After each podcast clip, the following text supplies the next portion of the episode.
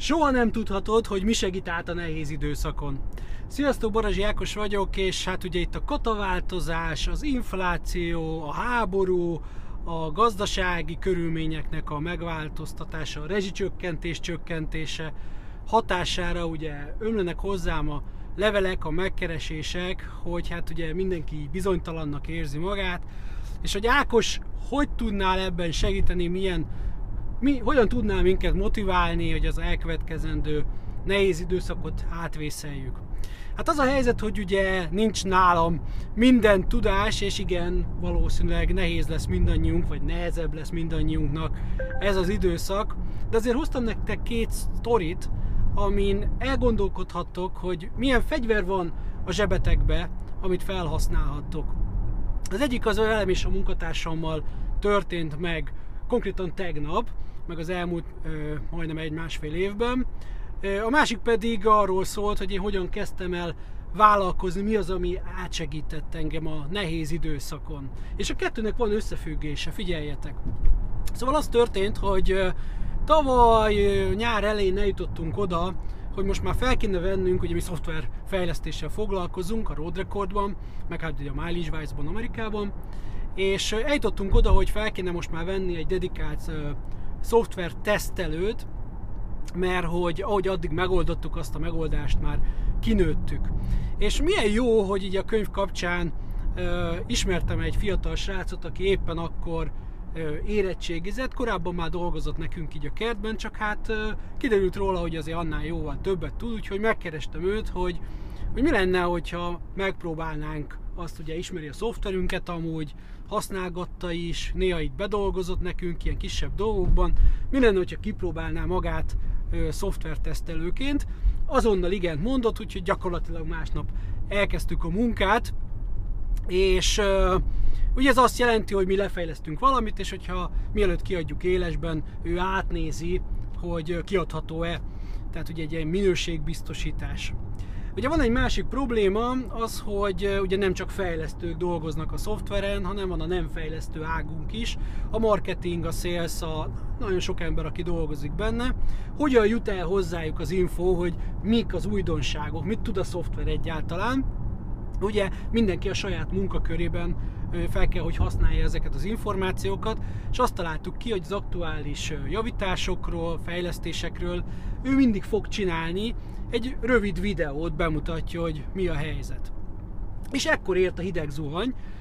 amikor is kiderült, hogy tök jól leteszteli, tök jól megcsinálja a videót, csak nem tud beszélni. Konkrétan nem értettük, hogy mit mokog a videóban, minden bántás nélkül.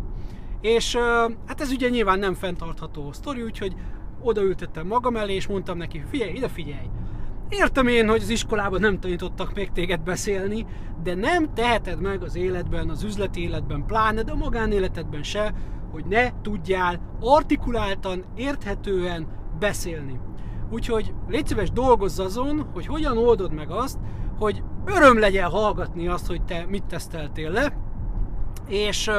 és ez, mint ahogy mondtam, a saját, ez, ez nem csak itt, hanem mindenhol kell. Nem teheted meg, hogy így makogsz. Segítek benne, ha kell, de egyébként csak oda kell figyelni rá, ha kell, akkor nem tudom, nézzünk valami beszédtanárt, aki segít egy dologban, de szeretném, hogyha azt látnám, hogy fejlődnél.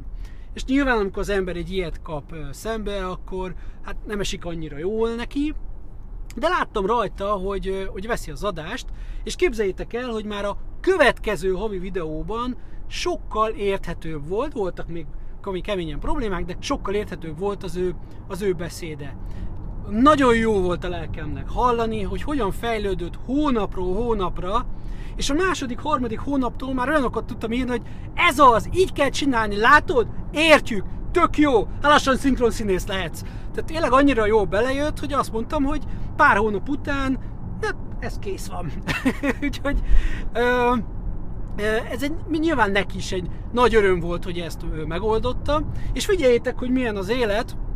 Tegnap előtt felmondott az egyik kolléganőm, és aki félállásban dolgozott amúgy nálunk,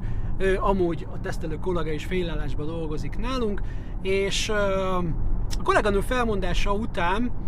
arra jutottunk, hogy az lenne a legjobb megoldás mindenki számára, hogyha a tesztelő kollégánk átvenni a kolléganőnek azt a munkáját, mert hogy egyébként nagyon nagy az átfedés a két munkakör között,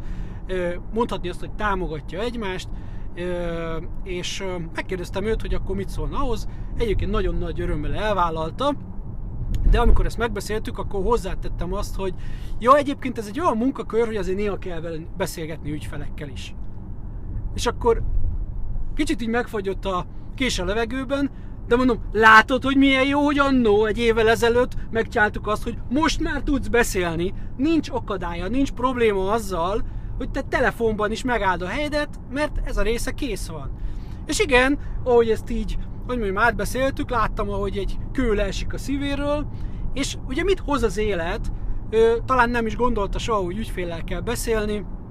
valaha, vagy nálunk, és most úgy hozta a sors, hogy egy olyan munkakört is megkapott magáinak, ahol bizony néha kell beszélni, és milyen jó, hogy most már tud beszélni. Látjátok? Ugye e, ezért jó, hogyha valaki nem azt mondja, hogy jó van, itt beszél a hülye főnök, beszéljek szépen, én nem akarok, nem tudom, szélszes lenni, meg nem tudom én mi lenni, és nem az van, hogy legyint és félreteszi ezt, a, ezt az impulzust, hanem komolyan veszi, még akkor is, hogyha mondjuk esetleg ez mondjuk rosszul esett, vagy nem számított erre, és elkezd ezen dolgozni, mert már akkor is jó volt, és ki tudja, hogy az életben még mikor lesz jó. És az én második sztorim az meg velem esett meg, ami pontosan tulajdonképpen ugyanerről szól, ugyanez a csavar volt bennem, amikor én végeztem a, a technikummal, akkor az utolsó évben a, a szakmai gyakorlatunk arról szólt, hogy különböző cégekhez kikerültünk, és én a Hewlett Packardhoz, a HP-hoz kerültem, azon belül is a nyomtatóknak a szerelő részlegéhez, ahol, hát akkor még a lézer nyomtató, hát az ilyen, ú, hát a úristen, ne nyújj hozzá, az egy nagyon nagy dolog volt, tehát ez 94-95-ben volt. Leginkább tintasugaras nyomtatóknak a, hogy mondjam, szerkezeti hibáit javítgattuk ki, meg takarítottuk, de már később hozzányúltunk lézernyomtatókhoz is, és, és utána én a következő évben is magam oda kértem magamat, és nagyon jó volt így visszamenni. Úgyhogy én megtanultam gyakorlatilag nyomtatókat szerelni, anélkül, hogy ezt így nem volt semmi tervben, teljesen véletlen, hogy én oda kerültem, és először takarítottuk, aztán egyre magasabb szintű munkákat adtak, egyszer csak rájöttem arra, hogy én tudok nyomtatókat szerelni. És utána többen voltunk egyébként az osztályból, ott az egyik srác például a technikusi munkáját ebből csinálta, én nem, és így nem is nagyon terveztem azzal, hogy ezzel többet fogok foglalkozni, nem azért, mert bármi bajom lett volna. Arra jó volt, hogy a saját nyomtatómat tudom karbantartani, javítani bármit.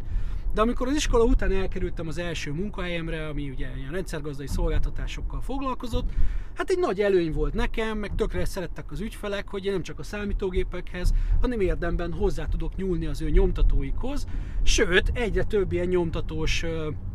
feladatom lett, még tovább megyek, az összes nyomtatós feladatot később én kaptam, és, és én amúgy szerettem is ezeket csinálni, és jól is csináltam.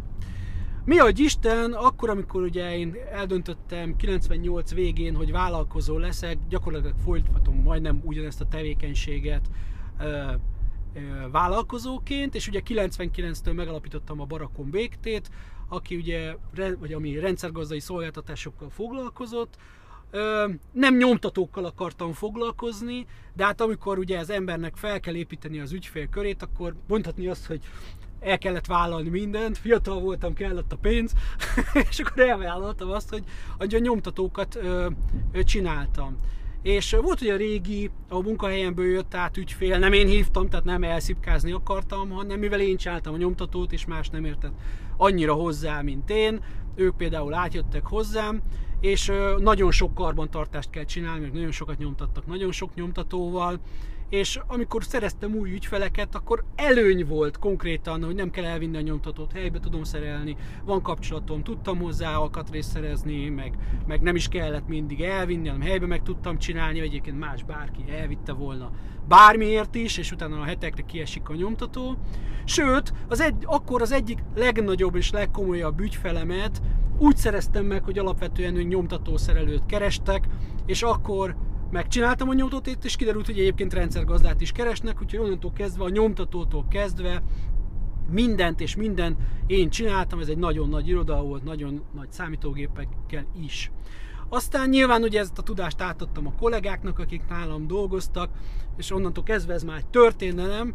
de azt akartam ezzel mondani, hogy ö, jelentős fordulat volt az életemben az, hogy én a HP-nál dolgozhattam, és a HP-nál megtanultam ezt a dolgot, és a később a munkahelyemen, a saját dolgaimban, a saját vállalkozásomban, a saját vállalkozásom felfuttatásában komoly szerepet vállalt, komoly helyzeti előnyhöz jutatott az, hogy én tudok a nyomtatókkal foglalkozni. Úgyhogy visszatérve ugye az eredeti kérdésre, hogy Ákos mit csináljunk, ugye nincsen univerzális megoldás, hogy hogyan oldjuk meg a közelgő recessziót, vagy éppen már valamennyire benne vagyunk. Az univerzális válasz inkább az, hogy nézzél vissza magadba, akár menjél vissza a gyökereidhez, és mindenkinek, biztos vagyok benne, hogy mindenkinek van olyan fegyver a zsebében, amit valamiért egyszer ki kellett neki, hogy mondjam, fejlesztenie, és azóta mondjuk feledésbe, háttérbe merült, vagy csak egyszerűen nem használja, és lehet, hogy pont ez a fegyvertény fogja ö, átsegíteni a nehéz időszakon, ahhoz, hogy egy picit ez ö, könnyebb legyen. Ja, úgyhogy ezt nézzétek át, és örömmel veszem a kommenteket, hogyha ti is röviden megosztjátok, hogy nektek az életetekben, a vállalkozásotokban, bármiben, mi volt az, ez a hasonló sztori, ami segített, vagy mire alapozzátok azt, hogy segíteni fog a jövőben. Közben ne felejtsétek el, a bevétel erősíti a szabályt. Sziasztok!